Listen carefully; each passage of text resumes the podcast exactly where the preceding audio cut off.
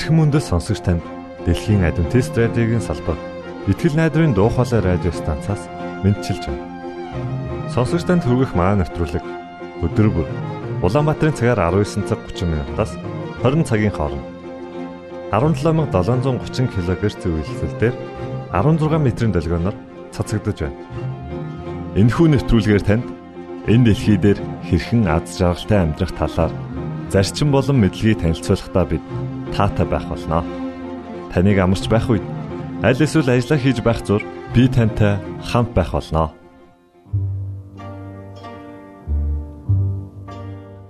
Өнөөдрийн дугаараар та бидний эрүүл мэнд юу бодож байгаатай маань холбоо хамааралтай юу гэдгийг олж мэдэх болно.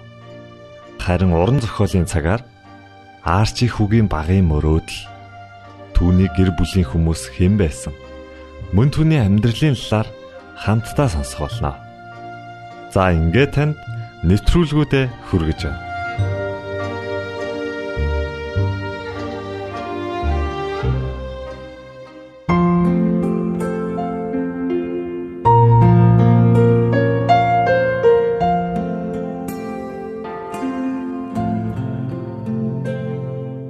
Эрхэм баян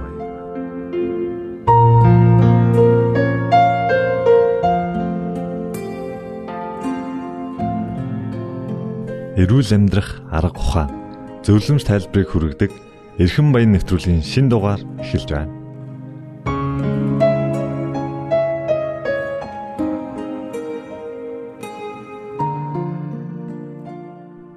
Сайн байцгаана уу сонсогчдоо. Эрхэм баян нэвтрүүлгийн шин дугаараар уулзаж байгаадаа баяртай байна. Бид энэ хорвоо дээр нүцгэн ирсэн нүцгэн буцнаа гэсэн үг байдаг. Тэгэхээр бидэнд өмчилж болох ганц зүйл байдгаа гэх юм бол энэ яахын аргагүй бидний бие махбод юм аа. Бурхнаас заяасан эрдэнэт энэ бие ямар бүтэц тогтолцоотой байдаг. Мөн яавал урт удаан аз жаргалтай энэ дэлхий дээр амьдрах нууцуудыг эрхэм баян нэвтрүүлгээс та олж мэдэх болно. Ингээд танд Монголын адвентист чуулганы эрүүл мэндийн хэлтсийн захирал болох энх баяртай хийсэн ярилцлагыг хүргэж байна. За, эрүүл мэнд гэдэг бол маш эрхэм чухал зүйл гэж хүн бүхэн мэддэг. Аа, эрүүл байх ёстой, эрүүл байх бол үнэхээр аж аргалтай, сайхан зүйл гэдгийг бүгд ойлгодог. Гэтэл яагаад өнөөдөр бүхэн эрүүл байдаггүй юм бэ? Ямар нэгэн асуудал заавал бидэнд гарч ирдэг. Тэгэхээр хүн өөрийгөө хамгаалах, бас өөрийгөө халамжлах, асрах тал дээр дандаа дутагдaltaй явдаг болж тарах гэдэг байгааз.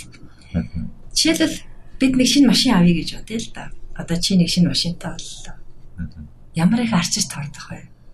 Дотор нь хийх ёстой шингэн өөрөөр хэлбэл бензин, хөдөлгүүрийн тос, за тэгээ бусад шаардлагатай торомсны шингэн бүх зүйлийг нь цаг хугацаанд нь ямар ч байсан солино.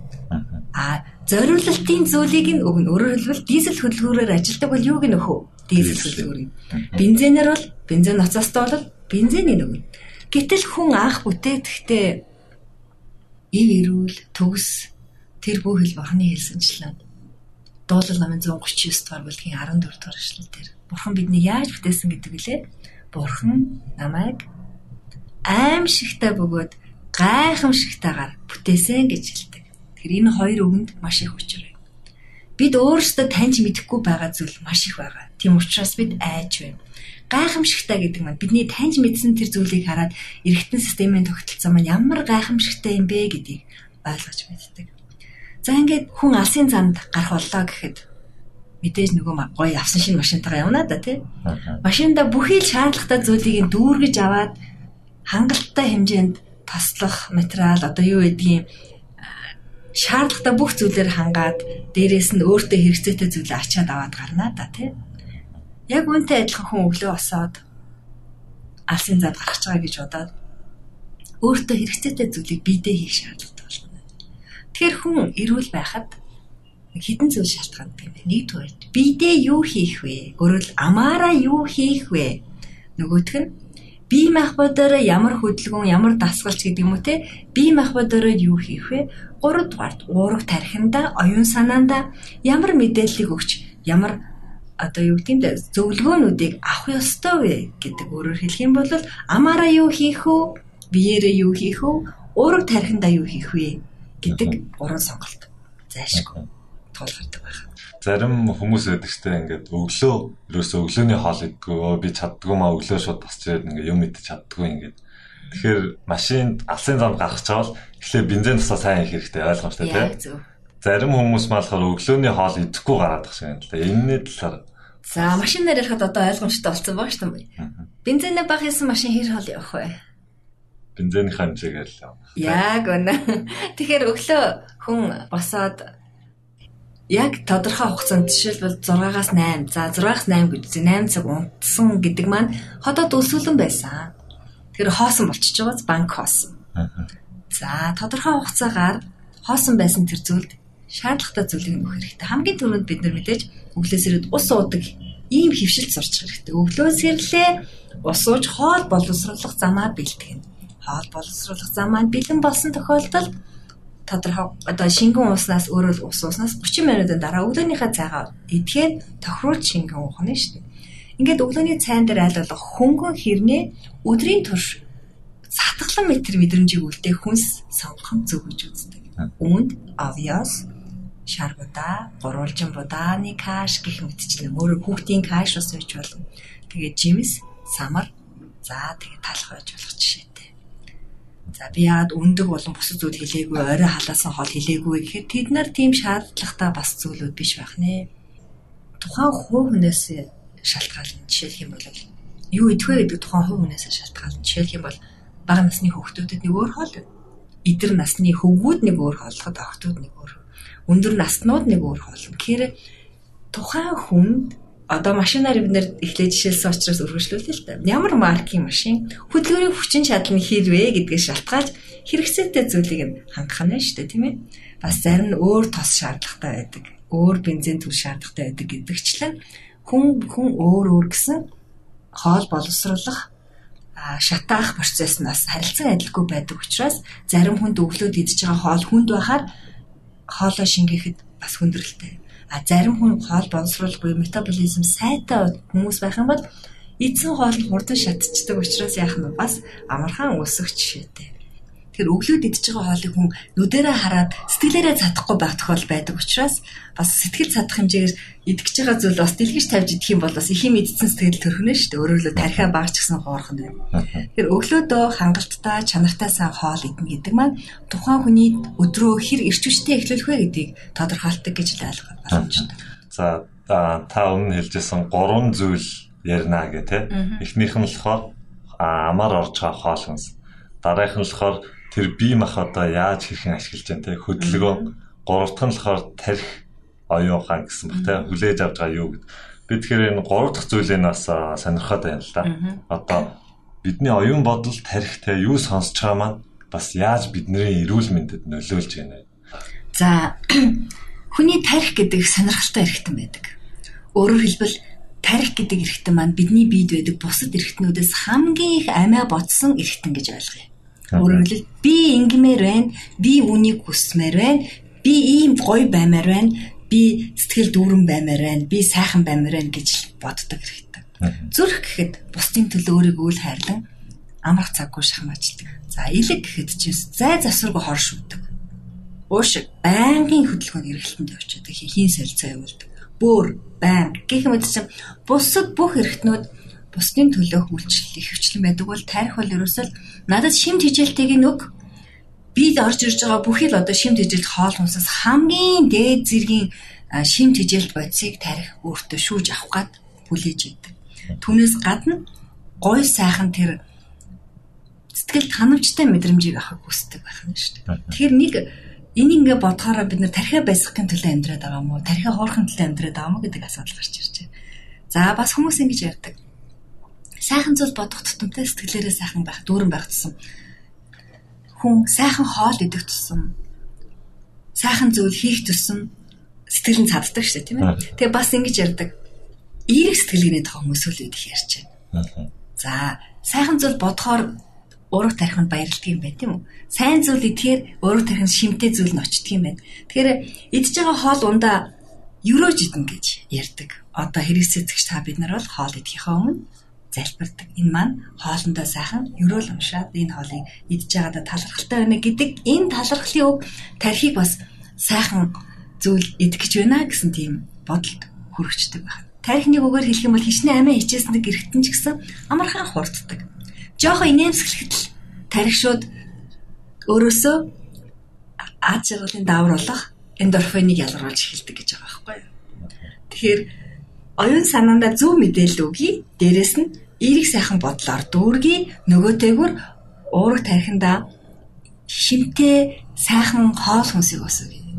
Би бас нэг хүнтэй ярилцчихсан. Тэгсэн чинь Таиланд хүн байсан аахгүй.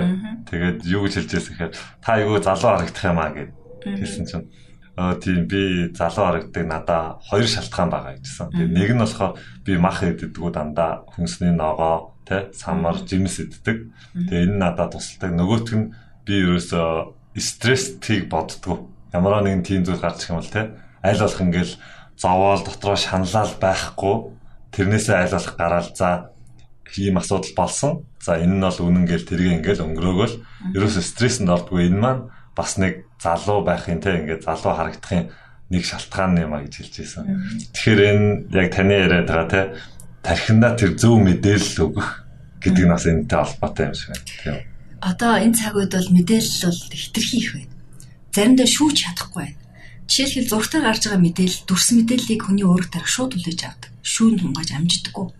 А уншихаар тарих шүүн тунгааж амждаг. Тэгээ уншсан зүйлээ биелэхийн тулд хийхээр тархинд тэр нь яг тогтож өгдөг. Жишээлх юм бол мэдрэлийн эс гэж байдаг л да. Тэр мэдрэлийн эс маань өөрийн гэсэн богино холбоосуудыг үүсгэж, синапсуудыг үүсгэж тодорхой нэгэн зүйлийг байнга үйлдэснээрээ а хөвшил буюу дадлыг тогтоодог. Өглөө босоод ус уугаад тодорхой хугацааны дараа өглөөнийхөө цайгаа уугаад сургачих юм бол тарих яах вэ? Энэ химнэлт тэр чигтээ дасаад орчдөг байна. Ингээд Энэ үссэн синапсууд нь буюу өөрөөр хэлэх юм бол тархины тэр мэдрэлийн эсүүдийн холбоонууд нь энэ үйлчлийг хийдэг болгоод сургачдаг байна. За хоолны дундуур юм идээд сургачих юм бол тарих хоол идсэнс 2 цагийн дараа л юм идмээр санагддаг мэдрэмжийг шамд хариу уруулаар үзүүлээд эхэлнэ. Тэгэнгүүт за тэгвэл би энэ үед снак буюу янз бүрийн мэддэг байсан бол болоод ус уудаг болохыг гээд ус уугаа тодорхой хугацаанд яхах юм бол өнөө тархины эсүүд яах нь ус уудаг мэдээллийг агуулад 2 цагийн дараа хүн өсөлтөд энэ бол хуурамч өсөлт байдаг. Тэнгүүд нь хүн юм мэдчихдэг. Гэтэл энэ бол өвөндөө өсөлт биш хуурамч өсөлт байдаг. Тэгэхээр энийг нөгөө тархиндаа зөв мэдээлэл өгөх юм бол энэ бол жинхэнэ өсөлт биш. Энэ бол хуурамч. Тийм учраас одоо би зүгээр л ус уучи. Яагаад гэвэл ус уснараа миний 2 цагийн өмнө идсэн хоол маань цаашаа шингэх хэрэгтэй юм аа. Энд ус хэрэгцээтэй байгаа учраас цангах үсэх төв тархинд ойрхон байдаг учраас андуурагдсан ойлголтыг миний бие махбод үзүүлээд байгаа юм байна. Одоо би нэг шинжлэх ухааны үндслэлтэйгээр ойлгоцсон учраас би юм идэхгүй харин ус уяа гэх юм бол тарих яах вэ? Ойлгоолаа. Хүний тарих маш энгийн шүү дээ. Орой унтахтаа хүртэл за маргааш өглөө би 6 цагт босно гэ өөрийгөө оюун санаанууд бэлтгээд бүх юма бэлдээд за 6 цагт босоод би өглөө дасгал хийхээр гарнаа гэд бүх юма бэлдээд унтахад өглөө 6-аа хүн сэрч чаддаг. Тэгээ гол нь босох уу үгүй юу гэдэг нь сонголт болчиход байна. Яг өглөө сэрлээ тэр агшинд би одоо босох уу, үргэлжлүүлээд унтах уу гэдэг шийдвэрийг хэн гаргах вэ?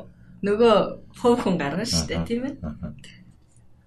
Одоо зөндөл янз бүрийн сонин сэтгүүл дээр янз бүрийн бичдэг. Тэгэхээр тэр болгонд итгээд байдгүй. Тэгэхээр миний асуух гэдэг асуулт болохоор яг энэ энэхүү мэдлэг, мэдээллийг үнэн гэдгийг бид нар бас яаж мэдэх вэ? Та үүн дээр бас нэг хариулт өгнө. Миний хувьд бол би 7 дахь өдрийн ядрын тэсвэрийн гишүүн учраас 7 дахь өдрийн адвентист сүмийн эрүүл мэндийн мэдээнд итгэдэг. Манай 7 дахь өдрийн адвентист сүмийн эрүүл мэндийн мэдээ маань Библиэлд суурилсан Эллен Вайтийн бичээсүүд дээр үндэслэсэн шинжлэх ухааны болон судалгаа шинжилгээний ажлуудын туршилтын үр дүнгуудыг тулгуурлан гэж ойлгож та авсан өөрөөр тулгын гурван чулуу шиг юм одоо би ярьж байна. Нэгдүгээр Библиэд гэмээр хоёрдугаар Эллен Вайтийн бичсэн бичээсүүд байна. Яагад бол Эллен Вайтыг манай сүмийн зүүн чимэгтээ түүний бидэнд үлдээсэн бичээсүүд маань ариун сүнсээр хүлгэлгдэж ирсэн учраас бид нар үндэслэлтэй гэж үтгэж хүлээн зөвшөөрдөг. Шийдлэх ухаан юу гэж хэлж байна? Үнэхэрийн хүний ходоод бол хоол боловсруулах зам маань хүнс ногоо боловсруулахад зориулагдсан байна. Өөрөөр хэлэх юм бол махан тэжээлтэй амтан өсөн тэжээлтийн амьтны хоол боловсролын замыг судлахад хүнийх өсөн тэжээлтнийх юм шиг байна. За нөгөө төгөр гэхэд мах буюу амьтны гаралтай бүтээгдэхүүн баг хэрглэж байгаа хүмүүс урт бөгөөд эрүүл наслт юм байна гэдгийг судалгаар гаргаад ирсэн. Тийм учраас бид нар энэ гурван зүйл дээр адвентист эрүүл мэндийн мэдээ үндэслэлдэг юм байна гэж үзэж байна. Өөрөөр хэлэх юм бол одоо тулгын гурван чулууга тавья. Библи буюу судар, Бурхны эсвэг, Элен Вайтийн бичээсүүд хажууд нь орчин үеийн өдрөөс өдөрт жилээс жилд бараг цаг минут тутамд шинжлэгдэж байгаа анагаахын шинжлэх ухааны болон эрүүл мэндийн шинжлэх ухааны болон бусад шинжлэх ухааны туршил, судалгаа, онлайн үндэслэлүүд. За тэгээд дээр нь тогоотой ус тавья л да. Тэндээс буслаад гарч байгаа ууршиж байгаа мэдээ маань юу? Манай адвентист эрүүл мэндийн мэдээ. Тэр хүн бүхэн төвөн хүрэх ёстой юм а гэсэн ийм зөвлөлийг бид үргэлж бодож явдгийг. За баярлалаа танд. Та бүхэн сая сонссон бахаа Эрхэн баян радио нэвтрүүлгийн мэдлэг мэдээлэл онлууд нь адвентист эрүүл мэндээс гаралтай юм байна. Та бүхэн бас зөв зүйл ярьж яана итгэж болох уу үгүй юу гэж бас эргэлзэх хэрэггүй. Энэ бол шинжлэх ухаанаар батлагдсан ийм эрүүл мэндийн систем бүхий мэдлэг мэдээллүүд байгаа юм аа. Бид дараагийн нэвтрүүлгээрээ танд эрүүл амьдралын 8 зарчим болох шинэ гараа хөтөлбөрийг танилцуулах болно. Дараагийн нэвтрүүлэг хүртэл түр баяртай.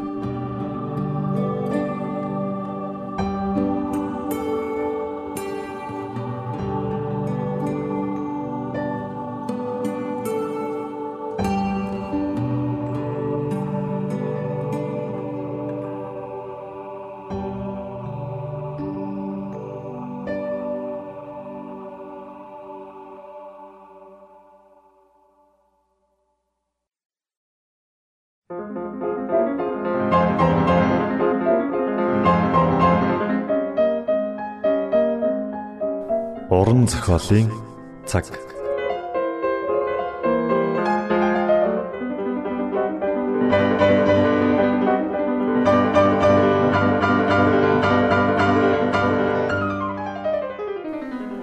Уран зохиолын цаг нэвтрүүлгийн шин дугаараар уулзж байгаадаа баяртай. Энэхүү булангаараа бид уран зохиол, утга уянга, яруу найргийн өнгө аястай ном тохиомлуудыг сонсогч та бүхэндээ хүргэх болно. Та бидэнтэй хамт байгаарай. Энэ удаагийн дугаараар эцгийн гашуун бэлэг хэмээх Арчи хүүгийн тухай гарах номыг сонирдуулах гэж байна. Хөгжмөдөө артн сонов.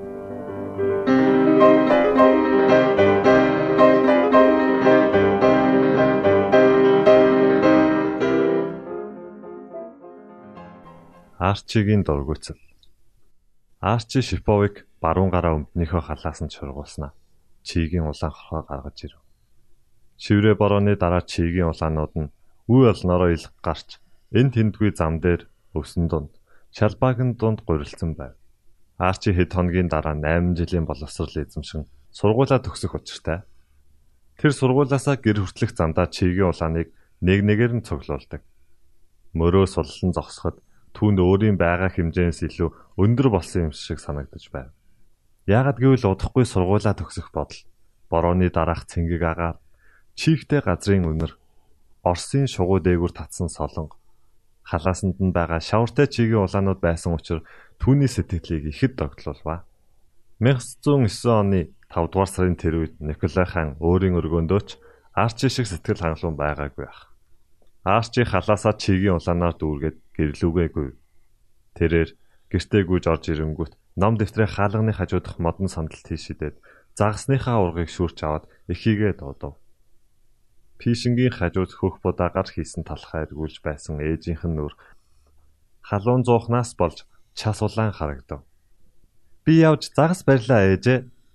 Тэр чин сайхан санаа байна гэж Домка Шиповыг хэлээд том хүүгээ өхөөрцөн харцаар харав. Тэгээд урт хар гизгээ нуруу руугаа унжуулаад барьсан загснуудыг чинь орой шарж өгье. Шинхэн барьсан талах гэрийн бяслаг шөлтөө идвэл их л амтай байх ах та.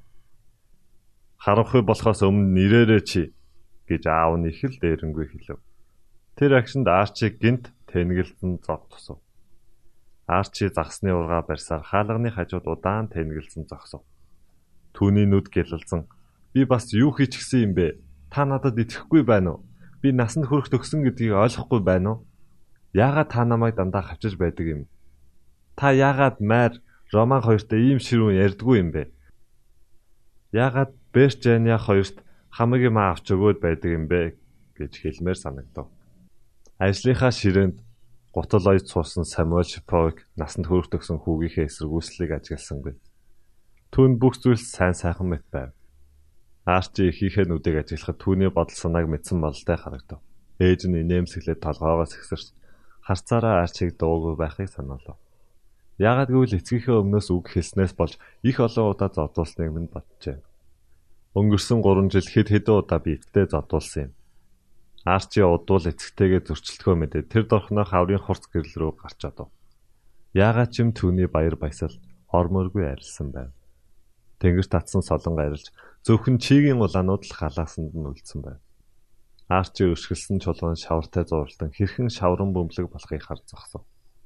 Түүний халаасандх шавартай хутгалсан чигийн улаануудын зарим нь хөдөлсөөр л байлаа. Тэгээд Арчи нэгийг авч голын эргэлөө гүйн гарав. Тэрээр чигийн улааныг дэгэндээ торгоогоод уурга ус руу шидэж эхэллээ. Тэгээд голын эрэг дээрх дарх модон дээр гарч суугаад хэсэг зуур харан азнав. Намайг гэр бүлдээ хоол залгуулах гэж ингэж яваг аав ойлгоод баярлна гэж чи бодож байна уу? гэж Арчи загсны ургандаа хэлв. Уурга нь хариу хэлж чадах эсэх нь түүнд хамаагүй байлаа. Өнгөрсөн 3 жилийн хугацаанд түүний амьдрал ихээхэн дорцсон юм шиг санагдав. Эцэг нь түүнийг ойлгохоо болсон учраас би өөрийн хийх ёстой бүгдийг хийнэ гэд Арчи уугаараа бүдүүн тайрцыг цохиж авлаа. Би хашаа цэцэрлэгээ цэвэр цэмцгэр байлгадаг. Би гэрийнхэндээ загас авчирч өгдөг. Би хон харуулж мөнгө нэмэрлэж байсан. Би сургуульдаа их чармайдаг. Юу болохгүй байгааг би ойлгохгүй байна. Чи юу ойлгохгүй байгаа юм бэ? Арчи цочин ухс хийхдээ ардан зогсож байгаа 9 настай дүүгээ харав. Роман, чи гэртээ очиж өөрийн хийх ажлыг хий гэж загналаа. Үгүй. Чамайг наашир гэж хинч гуугаагүй байх шүү. Чи юу идээд байгаа юм бэ? Чи яг хөгшин баавга шиг зангаргаад байх юм. Чи үүнийг ойлгохгүй. Чи дэндүү балчир байна. Чи аавд ууралсан биз дээ. Тэгээд яагав? Өөр юу их сони юм шиг байна. Чи мэдээтэй байхгүй бол чи дахиад алганы ам төртөн шүү. Тэр бол миний хэрэг. Аав ахаад л арх уугаад ээж чамайг дахиад аавын уурыг хүргэчихвээ гэж байна. Аав арх баг удагч болоосаа. Яагаад тэр их удаг юм бэ? Модны тарсан дээр арчи дүүдээ зай тавьж өгөөд цуугаач гэв. Тэд урдуур нь урсаж буй хөрөнцөн голыг хэсэг зур ширтэн сув. Удалгүй арчи. Гайлын хүмүүс аавын хийсэн гутлыг авах гэж ирэхдээ аавтай хамт архиудаг юм гэд яриагаа таслав. Тэрээр дүүгээсээ хариу өгсөн дуугасав. Найзуудаа архиар дайлах нь өөрийг нь их үн хүрэгдэг байлгүй. Магадгүй архиар дайлахаар найз нар нь дахин ирж гутлыг нь авдаг байх. Харин хамгийн их зүй зүйл нь бүхэл бүтэн тосгоныхонд архи авч өгөх мөнгө бидэнд байхгүй. Чамд болон Март хувц авч өгөх хэрэгтэй. Ээж хэдэн жил өөртөө даашин заваагүй. Бид дээврээ шинжлэх хэрэгтэй байшингаа цагаанаар бодох хэрэгтэй. Бид юу ч хийж чадахгүй. Яагаад гэвэл аав олсон бараг бүх мөнгөө архин зориулдаг. Аав арх уугаагүй үедээ их сүрхий байдаг гэж Роман санаалав. Тийм ээ би мэднэ. Аавын арх уухад би дургүй байдаг болохоор аав надад их дургүй байдаг. Би том болоод лавл аав шиг хүн болохгүй. Би хизээч арх ууж мөрөөдөө тоглоом тоглохгүй. Би хүүхдүүдэд жаргалтай байлгана. Би ч гэсэн гэж Роман зөвшөөрөв. За явъя гэд Арчи уургаа уснаас татаж аваад өнөөдөр загас баригдах шинжгүй байна. Тэгээ ч оройн хоолны цаг болчихлоо. Гэр хүртэл хоёулаа уралдъя. Би чамайг гүйцэндэ. Тэр хоёр инээлцээр шавранд халтарсаар голын уруу эргийг даган тэгш газрууд гарч ирмэгц гэрлүүгээ уралдан гүйлтцгэв. Тэдний тосгоныг Подольск гэнэ. Энэ нь Румынтай хил залгаа орчих Орсын нутаг юм. Айлын шаврын тоосгоор барьсан байшингуудын цонх гэрэлтэж эхлэв. Сүрлэн дээвртэй байшингаас дөнгөж сая барьсан талхны анхлын үнэр, шарсан сонгины үнэр, утааны муухай үнэртэй холилдон үнэртэж байлаа. Роман би төрүүллээ гэд хаалгаа түлхэн орс гутлаа хөлөөрөө өшиглэн тайлаа дотгош оров. Арчи уурга их л өөрөмсгөр хаалганы харлаа тавиад уртаар санаа алдав. Яг л ямар уур амьсгал хүлээн авах юм эцсэн гэлтэй. Тэгээд аль болохоор ямар нэгэн чимээ гарахгүй байхыг хичээж орж ирлээ. Хаалганы хажуудах өдрийн шидсэн номнуудынхаа дэрэгдэх санал дээр очиж суув. Тэгээд гутлаа тайлахаар шидэв. Түүний ирснийг аав нь мэдээгүй байх гэж найдаж байлаа. Шиповг Москвагийн өөрчлөлийн тухай гайлын хүмүүстэй их чангаар ярилцсан. Энэ нь Арчи загнуулгүй ширээндээ суух боломж олгов. Арчи гэж аавынх нь дуу хадав. Чи оройтсан байна. Чамайг битгий харанхуй бол яваарай гэж би хэлээгүй лөө. Тийм ээ гэж Арчи аав руугаа айсан маягаар харав. Аав нь ганцаараа байсан бол үүнээс илүү зүйл хэлэх байсан баг. Харин дөнгөж дууссан хөрөө өнгөтэй ширэн гутлынхаа хажуу талд шил арх тавьчихсан хажуу тосхны Димитриг ихч гайлын ажилтнтай сууж байсан тул нэг их мэлсэнгүй. Та уран зохиолын цаг навтруулгийг бүлээн авч сонслоо. Дараагийн дугаараар уулзтлаа. Түр баярлалаа.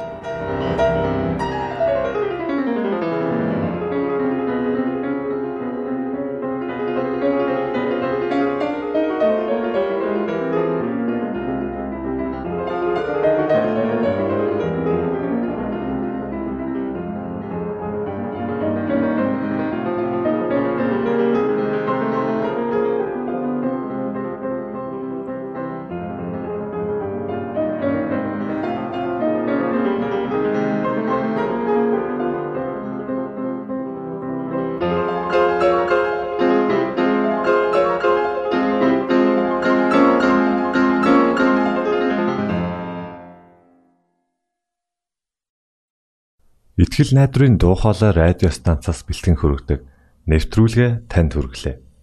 Хэрв та энэ өдрийн нэвтрүүлгийг сонсож амжаагүй аль эсвэл дахин сонсохыг хүсвэл бидэнтэй дараах хаягаар холбогдорой.